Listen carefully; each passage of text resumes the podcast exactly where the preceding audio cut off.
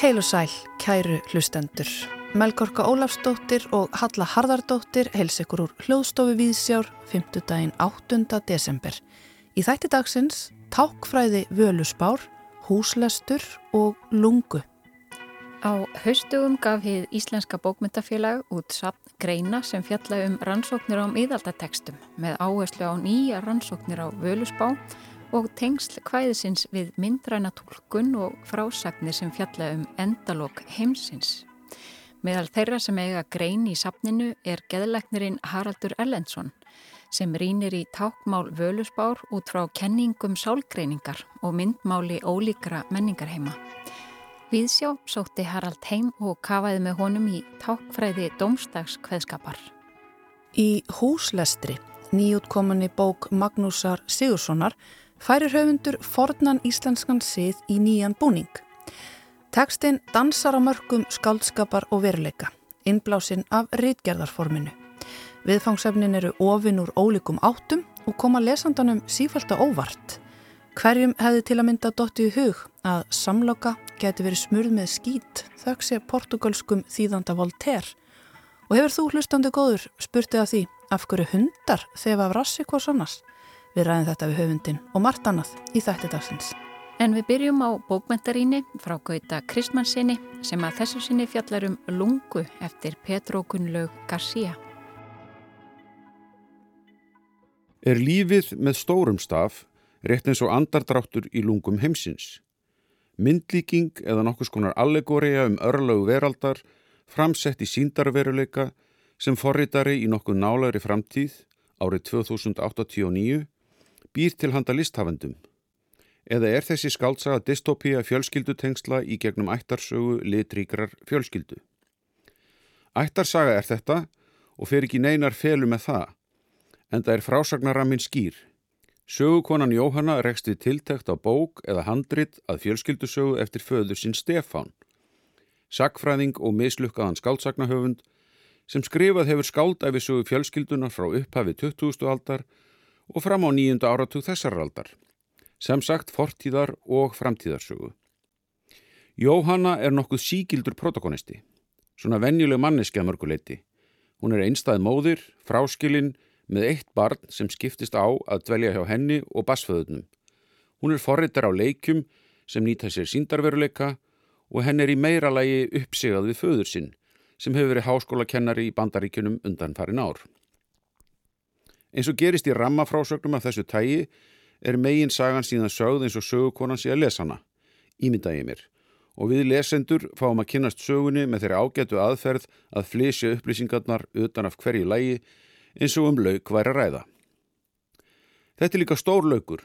Við byrjum á Ítalíu við upp á síðustu aldar, förum yfir til Kanada þar sem bátafólk frá Vietnám kemur til sögu og komum loks til Íslands undir lokhennar. Tilverður fjölmenningar fjölskylda eða kannski fjölmenningarlegt fjölskyldu 3. Því frásögnin snýst töluvert um ættartengsl og er ættartreð hluti af byggingu sögunar og bætist við það eftir því sem sögunni vindur fram. Hún er líka skáltsaga, það kemur ítrekka fram. Jóhanna sér það og höfundurinn fadrinnar segir það líka og ítrekkar að allmikið hafi verið fært í stílinn. Samt er upplifun hennar og okkar lesenda held ég líka að um sé að ræða trúverðu og ættasögu sem að frátöldum nokkur um augljósum skaldalefum er raunsæ lýsing á samskiptum og tilur þessara fjölskyldu. Höfundur nýti sér aðferði töfraraunsæðis og jafnvel fantasíu á köplum og það gengur upp innan rammas að um sé að ræða skáltsögu eftir rittöfund sem ekki hefur náð vel í gegn. Því þessi kaplar stangast aðeins á við annars að mestuleiti raunsæja frásögnina. Það gengur því upp þrátt fyrir förðusagnaþáttin um Hanan Júpiter sem verður mann bæ risi í eldingaveðri, minni sem vísar kannski helst til teknimyndasagna 20. aldar þegar ofurhetjur urðu til úr venjulegu fólki með einhvers konar röglegri ímyndun. Til að mynda eins og þegar kongolóamadurinn var til við bit af geyslavirkri kongoló í esku. Að öðru leiti er frásögnum mjög raunsæðisleg og ég aðrar alltaf því við félagslegt raunsæði á köplum þegar lístir fjölskyldulífi og ekki síst deilum parana sem framkoma í sögunni. Meðlimir fjölskyldunar sem framkoma kynnslóð eftir kynnslóð eru nefnilega breyst fólk með drauma og þrár en einnig marga galla og eru þau oft erfið í samskiptum. Í rauninni standa pörin sem myndast fyrir hverja kynnslóð og þeirra sambönd og samskipti eru vægast sagt bröðsótt og oftast slitnar upp úr hjá þeim þráttur í börnin sem þau eiga, eða kannski vegna þeirra. Það er tólkunaratriði sem börnin, eins og skilnaða börnum köfur að tamt, ímynda sér. Og sagan snýst að hluta til um að eiga börn og þau erðaefni sem þau fá frá foreldrum sínum. Vissulega eru félagslega áhrif í forgrunni þessar að mörguleiti mislukkuðu eða kannski bara venjulugu fjölskyldna. En tengslinn millir Íslands og fjölskyldunar í Kanada sem rætur á að reykja til Ítali og Vietnams koma í gegnum íslenska erðagreiningu.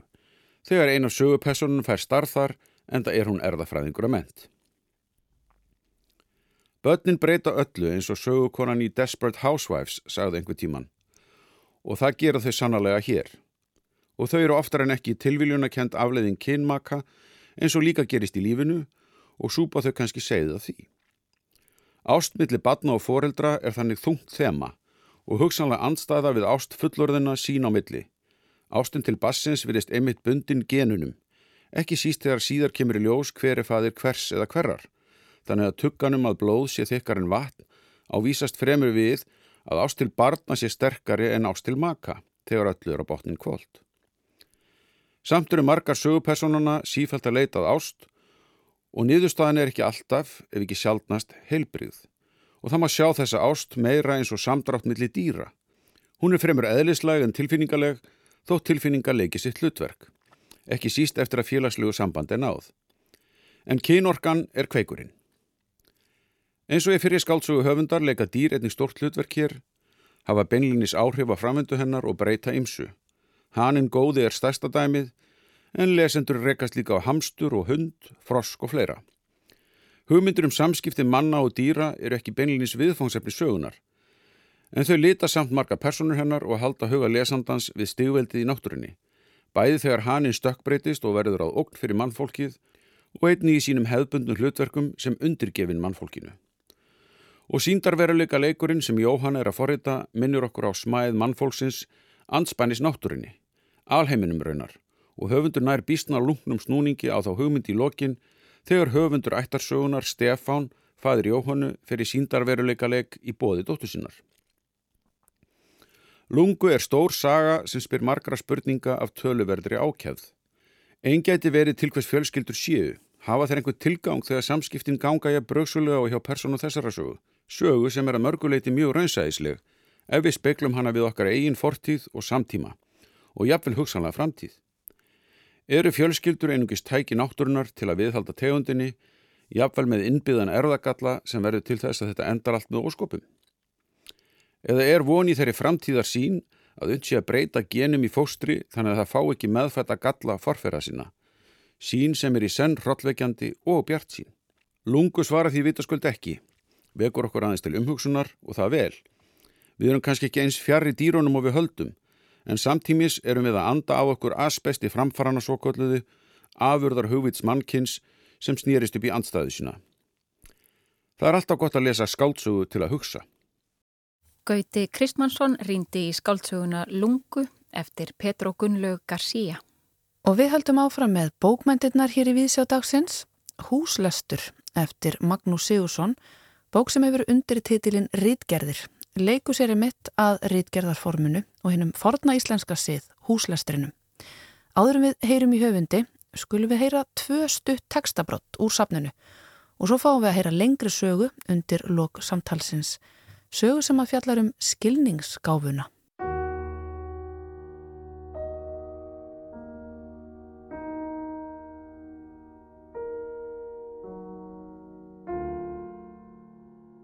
Um vináttuna Við reynslu og sorgir myndu mildast og batna og getur þá orðið afbragð. Þetta skrifaði Mattías Jokkumsson vini sínum Hannesi Hafstein þegar hann heyrði að sonur Hannesar hefði látist óvænt úr tögaveiki. Og vissi hvaðan hvað, hafandi sjálfur mist tvær eiginkonur með örskömmu millibili.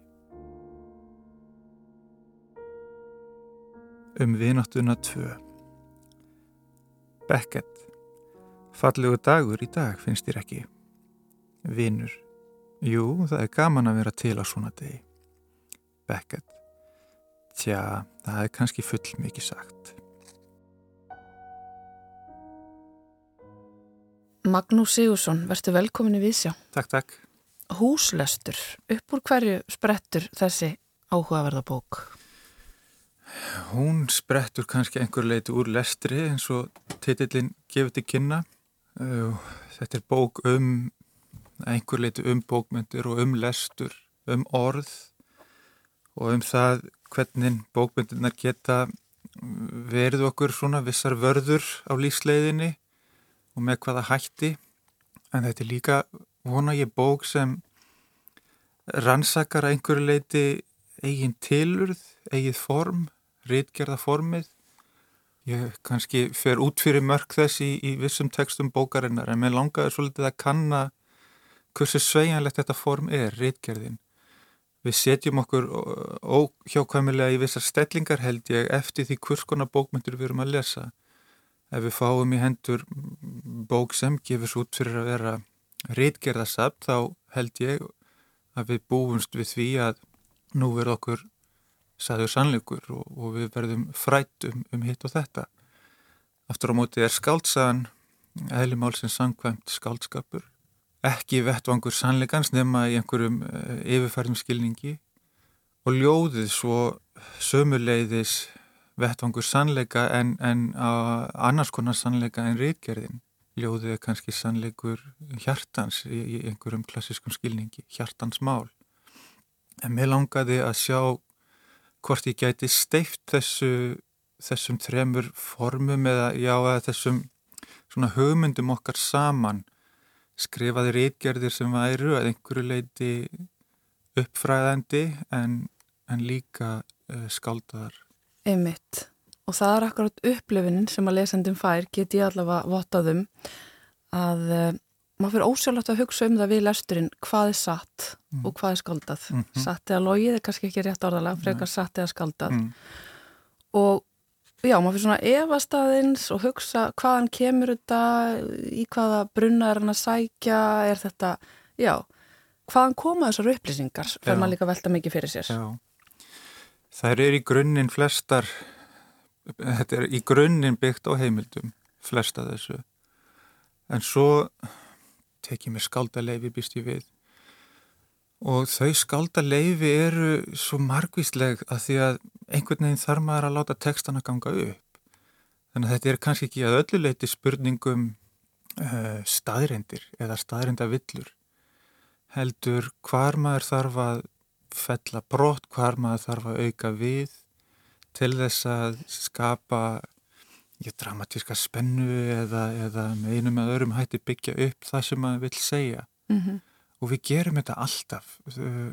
Hugmyndur okkar um sannleikan eru kannski svo litið einfældningslegar á köplum að það sé hægt að skilja með mjög skýrum og skilmerkilegum hætti á milli þess að segja satt og og, og, og svona já, skálda eða, eða krytta skulum við segja. Mm -hmm.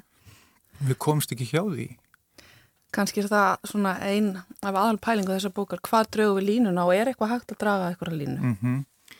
og þetta þurfum við að, að gera það við þurfum að geta gert það en við þurfum líka að ja, það getur allavega verið frjótt held ég að kanna hvað hún liggur og hvers vegna hún liggur Uh, hér uh, í vissum kringustæðum og þar í öðrum. Mm -hmm. En svo ertu líka að leikaður með þetta form húslesturinn, þessa gamlu íslensku hefð. Einmitt og, og hérna að bókmyndunar getur verið dýrin í aðra veröld sem þar er í dag rétt eins og þau voru þá. Það var þetta miklu miklu minna um, um lesefni og þá lásum en allt sem að kæfti kom.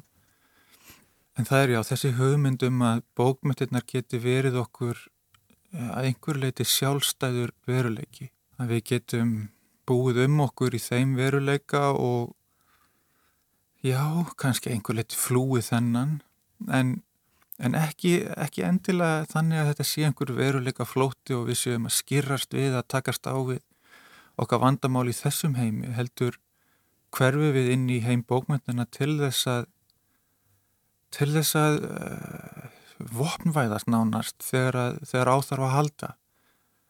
Því að það er nú ekki svo lítið sem á okkur er lagt oft uh, mennina ótrúlustu hluti sem við þurfum að ganga í gegnum og, og þá geta bókmyndirnar hjálpað. En ég held að það sé samt uh, ákveðin miskilningur á eðli bókmynda að þeir eigi að hjálpa að þeir eigi að gera gagn. Þeir geta gert gagn. En hugmyndur okkar í dag eru kannski nokkuð einstrengingslegar þegar kemur að því að bókmyndirnar eigi að breyta veröldinu til batnaðar. Ég er ekki endilega á því en þær geta gert það Þær geta alltaf breytt okkar innra sjálfi hvort sem þetta batnar eða ekki Einmitt, þær gera það kannski á, á einstaklingsgrundvelli sem síðan skila sér vonandi á, á, á samfélagslegum grundvelli í kjölfarið en, en fyrst og fremst er þetta samtal lesanda við, við texta. Mm -hmm. En þessi hugmynd er mitt líka með húslesturinn, talar um að það séu þetta meira frambóð af menningarefni núna en, en það hefur verið svona leita að fanga víða í húslesturum og kannski ólíkt textabrótið mitt komið saman og það er svo skemmtilegt í þessa bók hversu óvænt, óvænt þar sögurnar eru fyrir lesandan, þar eru komur svo ólíkum áttum. Það er mjög að spyrja þú veist, hvar leitur þú fangað, hvar sækjur þeir innblástur? Já, ekki með neinum markvið sem hætti. Þetta er það sem regur á fjörum mínar í, í lestri og vafri hverskonar. Þú er greinlega mikill grúskari.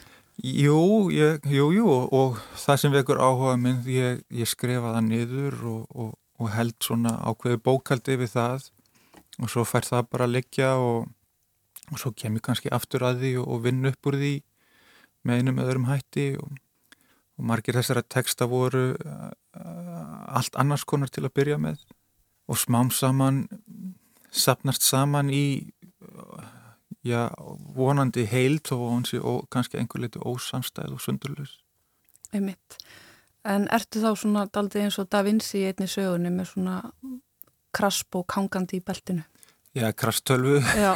já, já, já. Það var aldrei skemmtileg saga. Þá, ég spurði mig það, ég tel mig vita ímislegt og Leon, Leonardo da Vinci, en ég til dæmis hafði ekki hýrt þessa sögu um pælingar hans um lyktin af hundsrassi. Nei, er, hún er sönn, svo langt sem hún nær.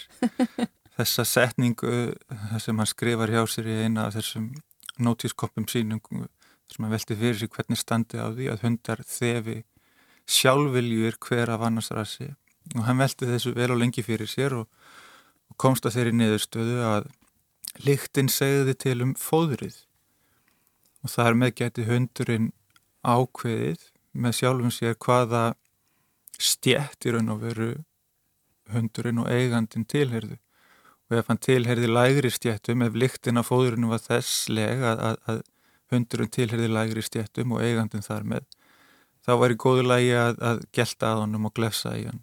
En, en ef þetta var eðristjættarhundur þá þurfti að sína ákveðna virðingu. Mm -hmm. Þetta er ansið lýsandi saga. Já, já, þetta er, er sannlugur í þessu. Og kannski bara besta útskýring sem ég hef allavega heyrt á þessu fyrirlega að segja Ég hef ekki heyrt að það Við föllumst bara á hana þá til annað kemur í ljós. Það er ímislegt fyndið og annað sorglegt. Það er til dæmis þetta með samlokurinnar sem að Voltaire kemur við sögu. Já, og emitt og, og portugalska skaldið Luís Pacheco. Hann hafði uh, honum hafði verið fengið það verkefni að, að þýða eina bókum Voltaire úr fransku en það sem hann hafði ekki orðabóku höndina þá skrefaði hann hjá sér portugalsk blótirði yfir þau fransku orð sem hann skildi ekki. En þýðingin var unnin í svo miklum flíti að, að bókin var sendið í prentun áður en honum hafði tekist að, að leiðir þetta já, eða finna, finna hinn réttu orð. Þannig að það slættist þarna með sannstu merda á portugalsku sem þýðir samlokur smurðar með skýt og þetta stendur þrygt á, á bók. Þannig að það er sannleikur í það þessu. Það er sannleikur í þessu. Það er alltaf einhvert sannleikskort þarna sem, sem ég síðan spinn í kringum. Mm -hmm. Það er líka mannlýsingar, skemmtilegar og óvandar tengingar eins og hérna, skálkonan Marian Moore sem að tengist síðan óvænt bílaframleðanda mm -hmm. uh, og svo annur mannlýsing á Silvíu Blath sem er reyndar aðeins sorglari. Já, já. Nú veit ég ekki hvort að það sé satt. Ég, mér tókst ekki að mér tókst ekki að ganga úr skuggum það hvort að það hefði verið líst eftir henni í blöðum sem ungrar laglegar stúlku eftir að hún skreið undir verunduna á fjölskylduheimilinu eftir að hafa gleift hverja 30-40 sveppilur en hvort það hafi verið auglist eftir henni sem já, hvort það hafi verið tekið fram að hér væri um laglega stúlku sem væri tínd ég veit ekki hvort það er satt. En einhverjum fannst það nógu satt til þess að færa það í letur. Einmitt. það er til þarna úti. Já, þannig að það er kannski einhver sannleikur fólkin í því einu og sér. Mm -hmm. Dauðin kemur aldrei við sögu hérna. Það eru nokkrar grafskriftir. Já, og svona ódauðlaugin og manneskjur sem að lifa áfram einhver hluta vegna. Þetta er eitthvað efni sem að þeir virðist vera hugleikið, þú ert sjálfur sérfræðingur í Emily Dickinson. Er þarna einhver tengsl, er að finna þarna einhver inblástur? Eflaust, eflaust. Dickinson velti þessum málum mikið fyrir sér, jafnvel með einhver liti þráhyggju kendum hætti ef við viljum, já það er kannski neikvægt að tala um þetta á þeim nótum. Hún kallaði þetta sjálf the flood subject. Þetta var, þetta voru hugsanir sem einhvern veginn flættu yfir hana og hún áttu þá kannski erfitt með að, að fóta sig í, í svo já, hver skilur hver skilur döðan, hver skilur óundanleikan en hún streytist við alla sína æfi að velta þessum hlutum fyrir sér og yrkja um þá. Og á einhver, einhverju leiti kannski beigði þessar vofeflugu hugsanir undir sig að lokum og aftur bókmyndirnar, ljóðlistin kannski helst getur verið okkur ákveðu vopn, hækja eða hvað á að kalla það.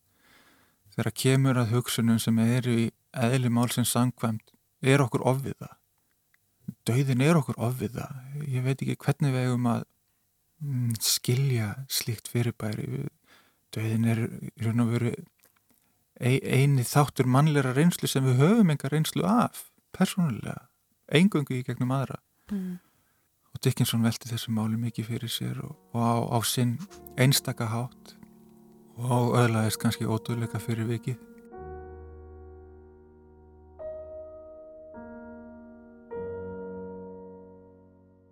Um skilningsgáfuna. Ímyndum okkur mannesku sem sér veröldina bara í svart kvítu en gerum um leið ráð fyrir því að hún viti allt sem hægt er að vita um rauðalitin. Hún veit að bylgjulengt rauðsljós er 680 nanometrar. Hún veit um rauða kvarka og andrauða andkvarka. Hún hefur lesið ljóðið um rauðu hjólbururnar, smásugu pós um rauðu pláuna og ljóð ann 16 um rauðu skóna. Hún veit hvað róðin í austri táknar. Hún þekkir fána ráðstjórnaríkjana og alþýðu líðveldisins Kína og hinnar rýsandi sól á fána Japans. Hún þekkir stoppmerkið, eplið, tómatinn, rósina, hinnar rauðu dölu nautaatsins, hinnar rauðu frítaga almanaksins, rauðu fjöll, rauð hóla, rauða vatn, rauða krossin, rauða hálfmánan, rauða torkið, rauðu milluna, rauð sokkurnar, rauð humluna, rauð föruna, rauð sprettuna, rauð magan, rauð berin, rauðu kvíguna, rauða hafið, rauða bítið, rauða dreigilin, rauðu kmerana, rauða herin, rauða spjaldið, rauða ljósið, ferraribílin, jólasveinin, kókflöskuna, rauðar veðurviðvaranir, æskuróðan, rauðu rekkápuna í tóntlugna á, orðatiltækið að mála bæin rauðun og hérna rauðu lista yfir plöntur og dýr í útrýmingarhættu. Hún veit að sagt er að rauðherðir drengir hafi verið notaðir í hákarlabeitu áður fyrr og hún veit að rauðherðir voru sannarlega brendir á báli á miðeldum fyrir að vera í slagtói við djöfulinn.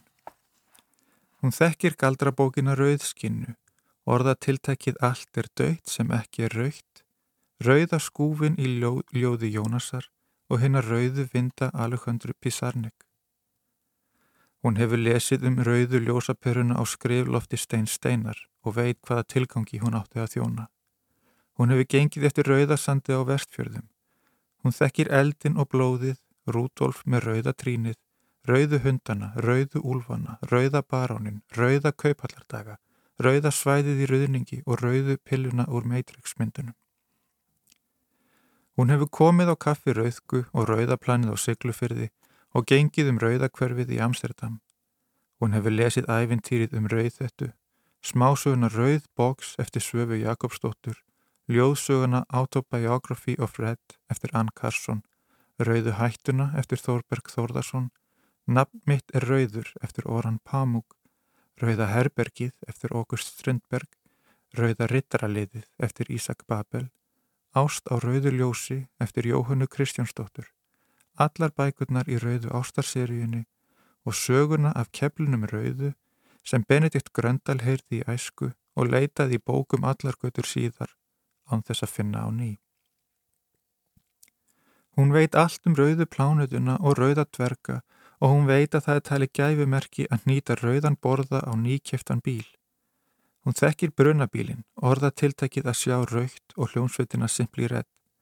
Hún hefur staði fyrir framann L'Atelier Rouge eftir Henry Matisse, Light Red Over Black eftir Mark Rothko og Rauðu Vínegruna eftir Van Gogh.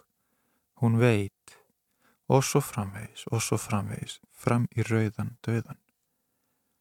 En allt kemur fyrir ekki. Þekking hennar og skilningur, þótt hans sé tæmandi, rekkur skam. Hún hefur ekki skinnjað litin, bara öðlast á honum fullkomin skilning. En hversu fullkomin er skilningurinn þegar skinnjunin fylgir ekki með?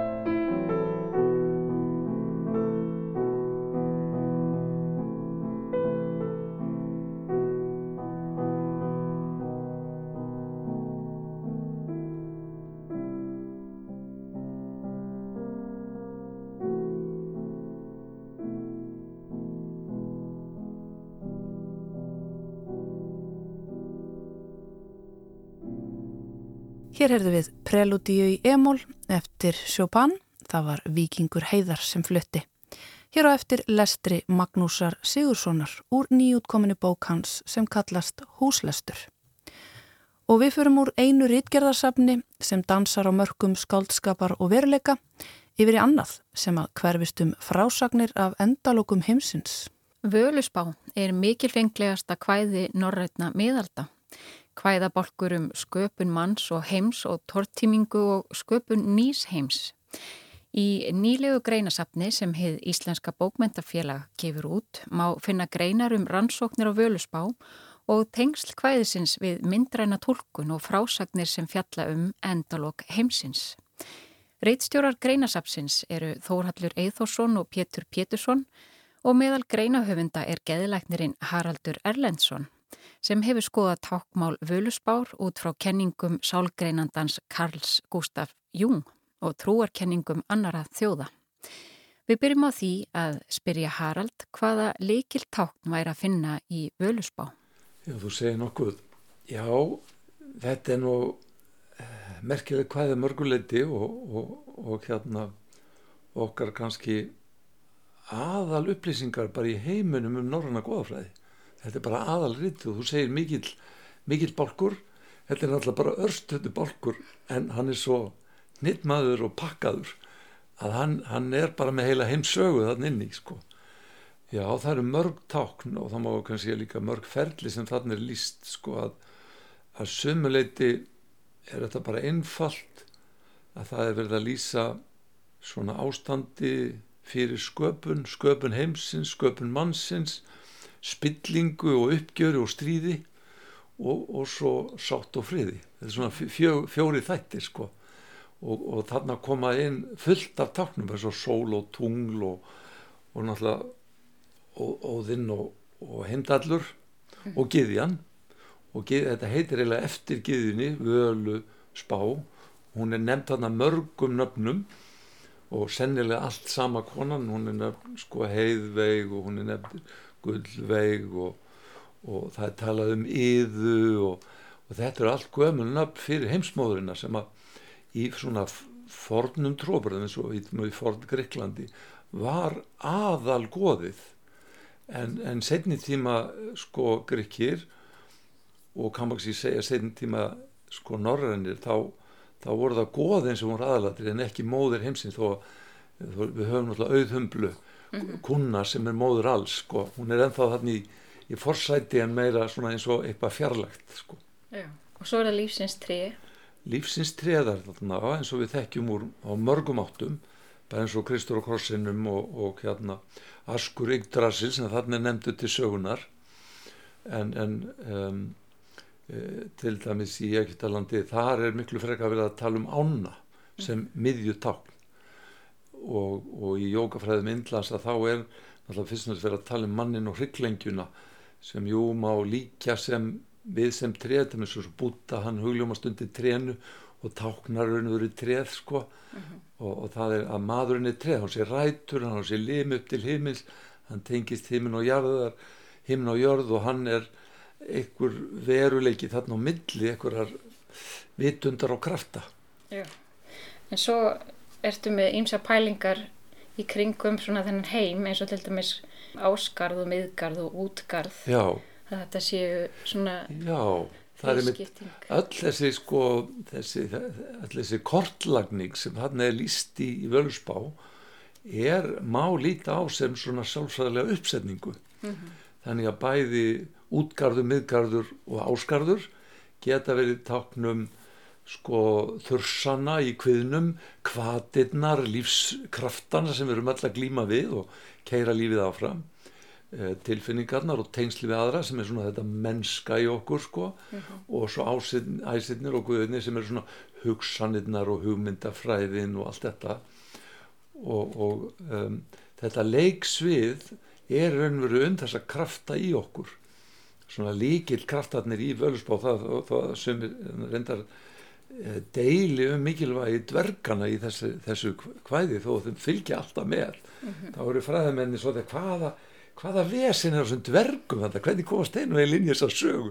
Eitthvað nafnaðulega, hvað er hún að gera þannig inni, en sko, sko hvað eru dvergar í ævintýrónum það er einhverjir sem að er í námum, er í myrkrinu er í fjallinu og þeir að leita gersemum. Þeir eru fara inn í myrkri til þess að sækja málmódýr og steina og gera göldrótta hluti eins og líster mhm. -huh. hamar þors og svo framvegð sko, sem eru voldýr og, og, og það má líta á sko dvergana sem þetta fara inn á við og, og inn á við þetta óþekta í huganum og kannski þetta jafnvel illa, þetta dimma, þetta þjáða og, og með því að skoða það nánar og höndla það að þá allt í hennu verður það sem áður var vandraði styrkur, viska, tekking þannig að ég sé dvergana sem svona þetta íhugunarferli.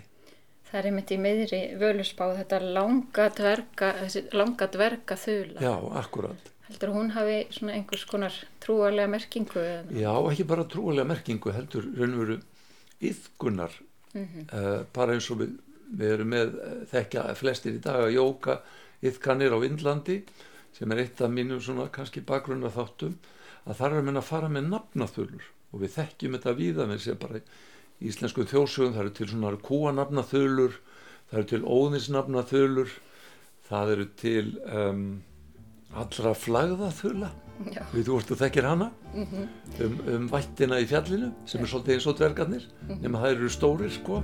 Lítu bleikbróðir og láttu fólk þeia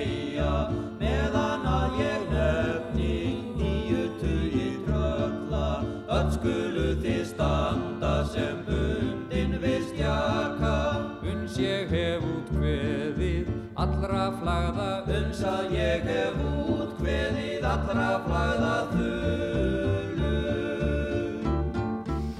og þetta er, hefur þekkjum þetta líka á gamla testamentinu um sögun og Kain og Abel sem er svo annar er drefin, góði og ylli mætast og, og annar er drefin og, og þá fæðist eh, annar bróður sem heitir Seth og hann er svolítið merkjulegu fyrir það að í gamla testamentinu sagt á þeim tímum lærðu menn að syngja nöfn Guðs og þá eruðu menn heilægir og það er þessi, þessi hugmyndafræði helgur söngur getur á þátt í að hjálpa fólkinu í glímu við sjálfan sig mm -hmm. og það eru til dæmis í indvesku hefðinni svo kallar möndrur nafna ákall sem þú fer með þar inn í bæn og þöggun og, og þá vakna kraftar og þá kem, koma eiginleika fram um, þetta er náttúrulega grundvöldur af svona svona mantra hefðinni á Índlandi mm -hmm. huglegslu hefðinni þar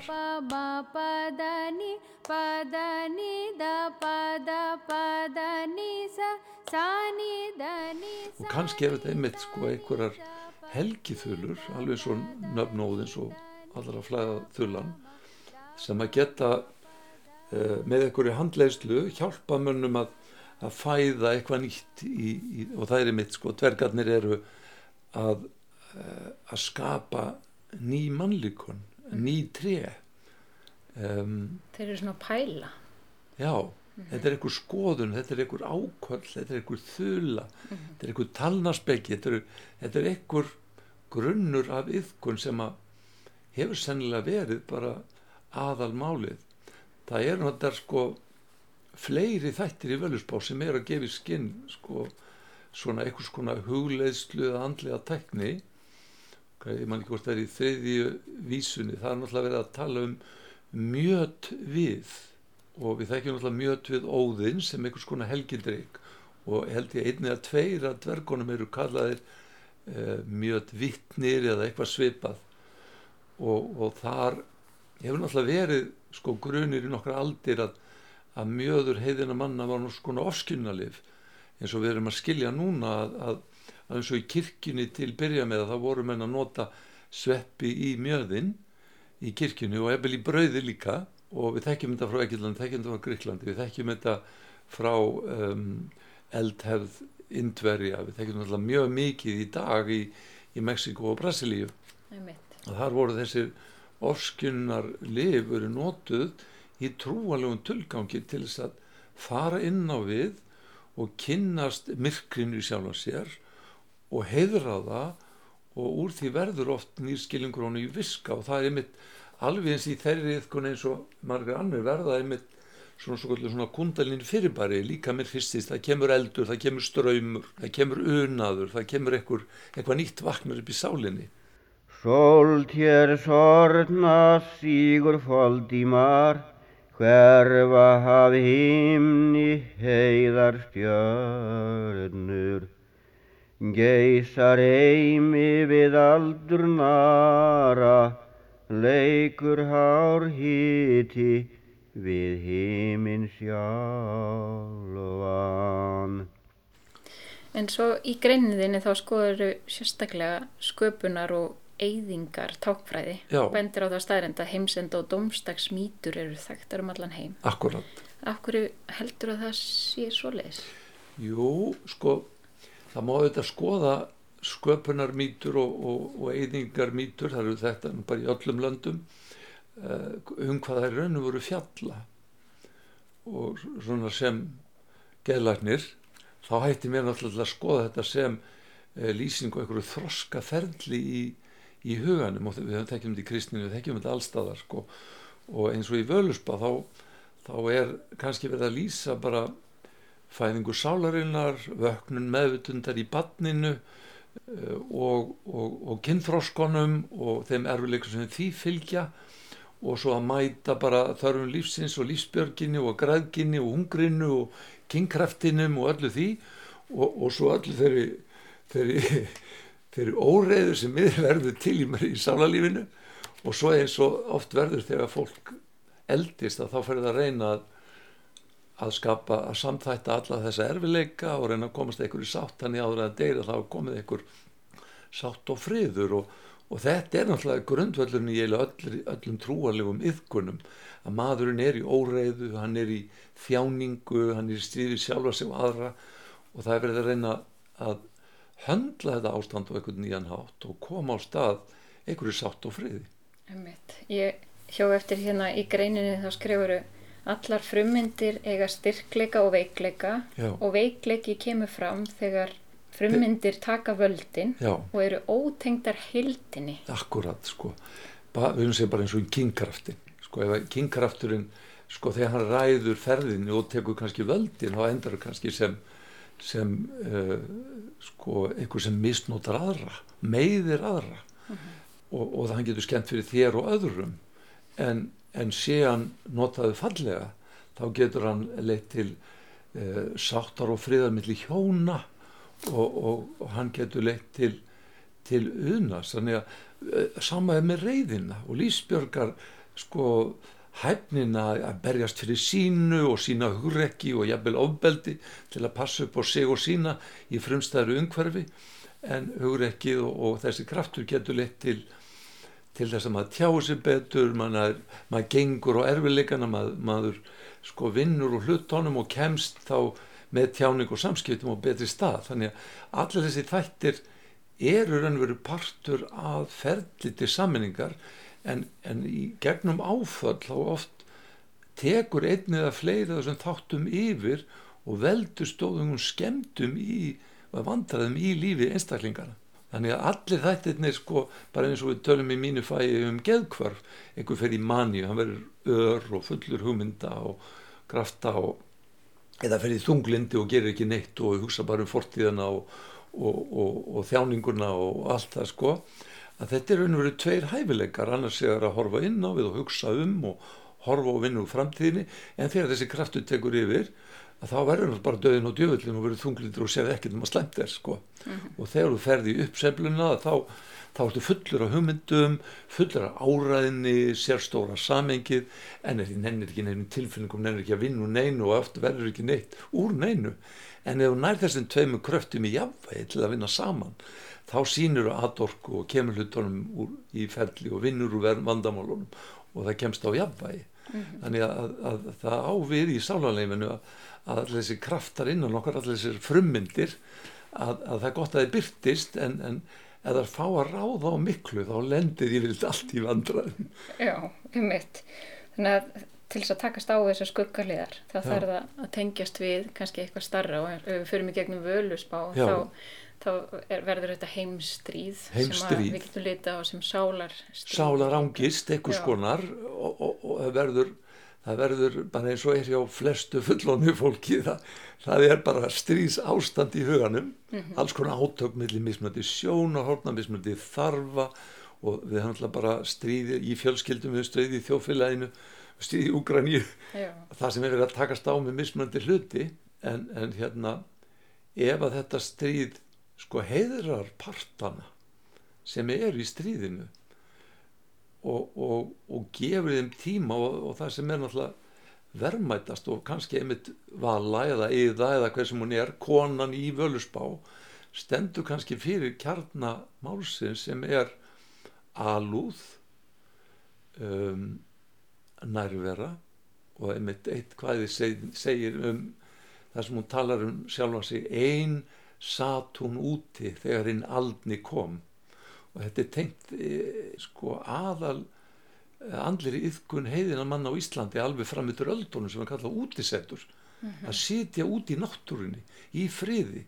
Og þá kemur alfaðir þá kemur vitund alheimsins til því og, og, og þetta er kannski stóra meðalið í völusbá og það er að hvort sem þú gera það einn eða með öðrum e, millir hjóna eða millir einhvers sjúklings og meðferðaðila eða bara milli vina að þegar við eigum þessar návistar stundir í góðvild að þá, þá er eitthvað sem leysist og það er eitthvað sem að læknast og það verði eitthvað breytingar í sálinni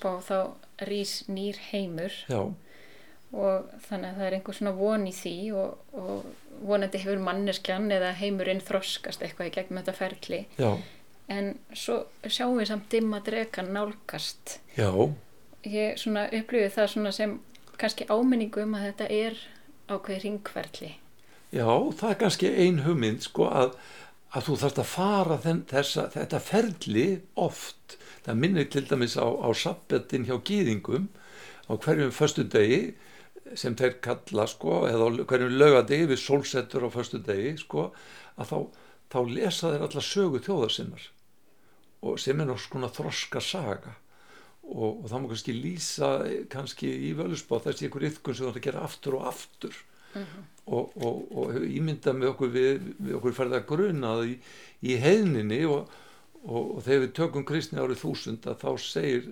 Þorgir Ljósveitningaði, jú við skulum vera kristin en við skulum halda áfram að blóta laun og hvað var þetta að blóta laun og, það er líklegt að það voru nokkur skonar frímurareglur eða leini reglur sem voru starfandi alveg fram á kannski 16. öld eða eitthvað þar sem menn fóru með þetta kvæði og, og myndu á hver yfkunni var og, og, og þegar búið er að minna á yfkunna þá, heyrðu, strákar, nú er komið að þessu nú þurfum við að glíma við drekkan við þurfum að gera yfkunnaræfinguna sem að yftireginni kundalíni, hann er ströymurinn hann er krafturinn, hann er myrkrið hann er glíman það þarf að, eins og heilugu Georg það þarf að, það þarf að, að, sinna drekanum og, og eins og oft í mörgursögum það þarf að drepa drekan ekki í merkingunni að drepa hann heldur hann, hann verði partur að, hann, hann fá ekki að taka völdin.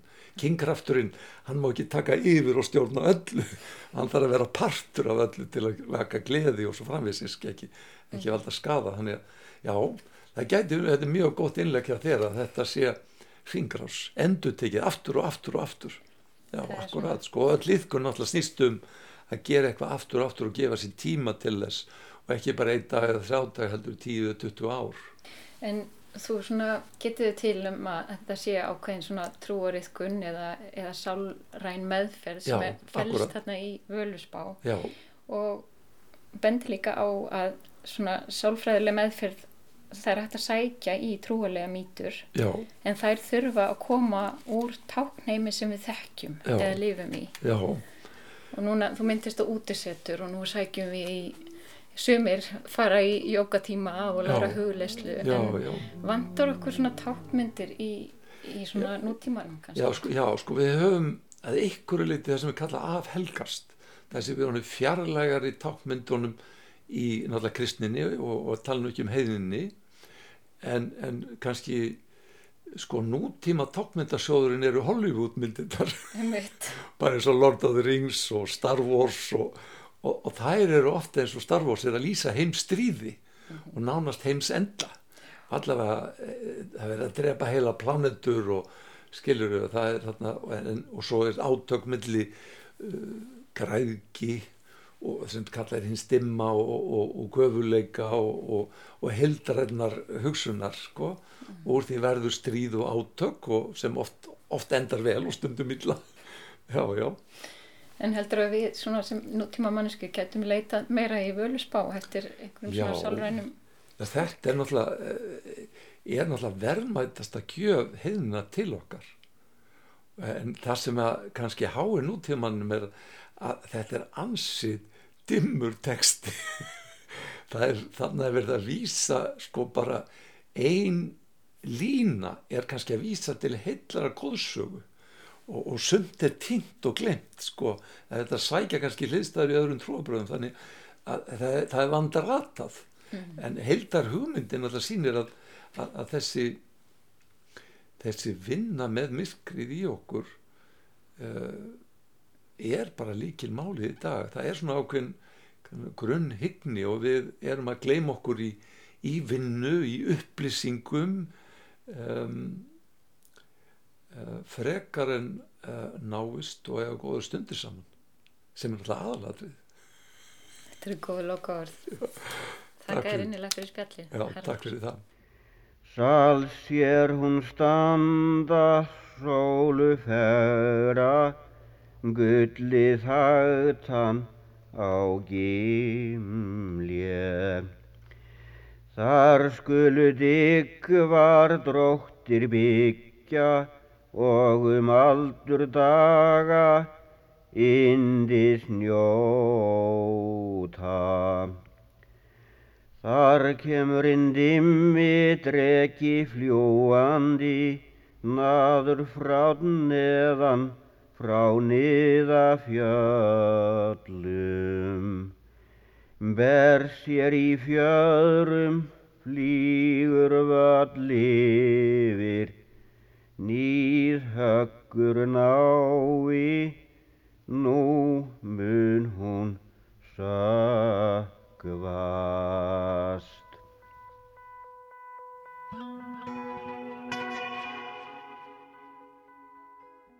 Sveinbjörn Beinteinsson flutti loka erindi Völusbár hér á eftir viðtali við Harald Erlendsson, geðlegni um táknheim Völusbár. Og þar með líkur þætti dagsins við þökkum ykkur kærlustendur fyrir vikuna og minnum á úrval á sunnudag og svo eru þetta að nálgast við sjá í spilaranum og á öllum helstu hlaðvarpsveitum. Takk fyrir í dag og verið sæl.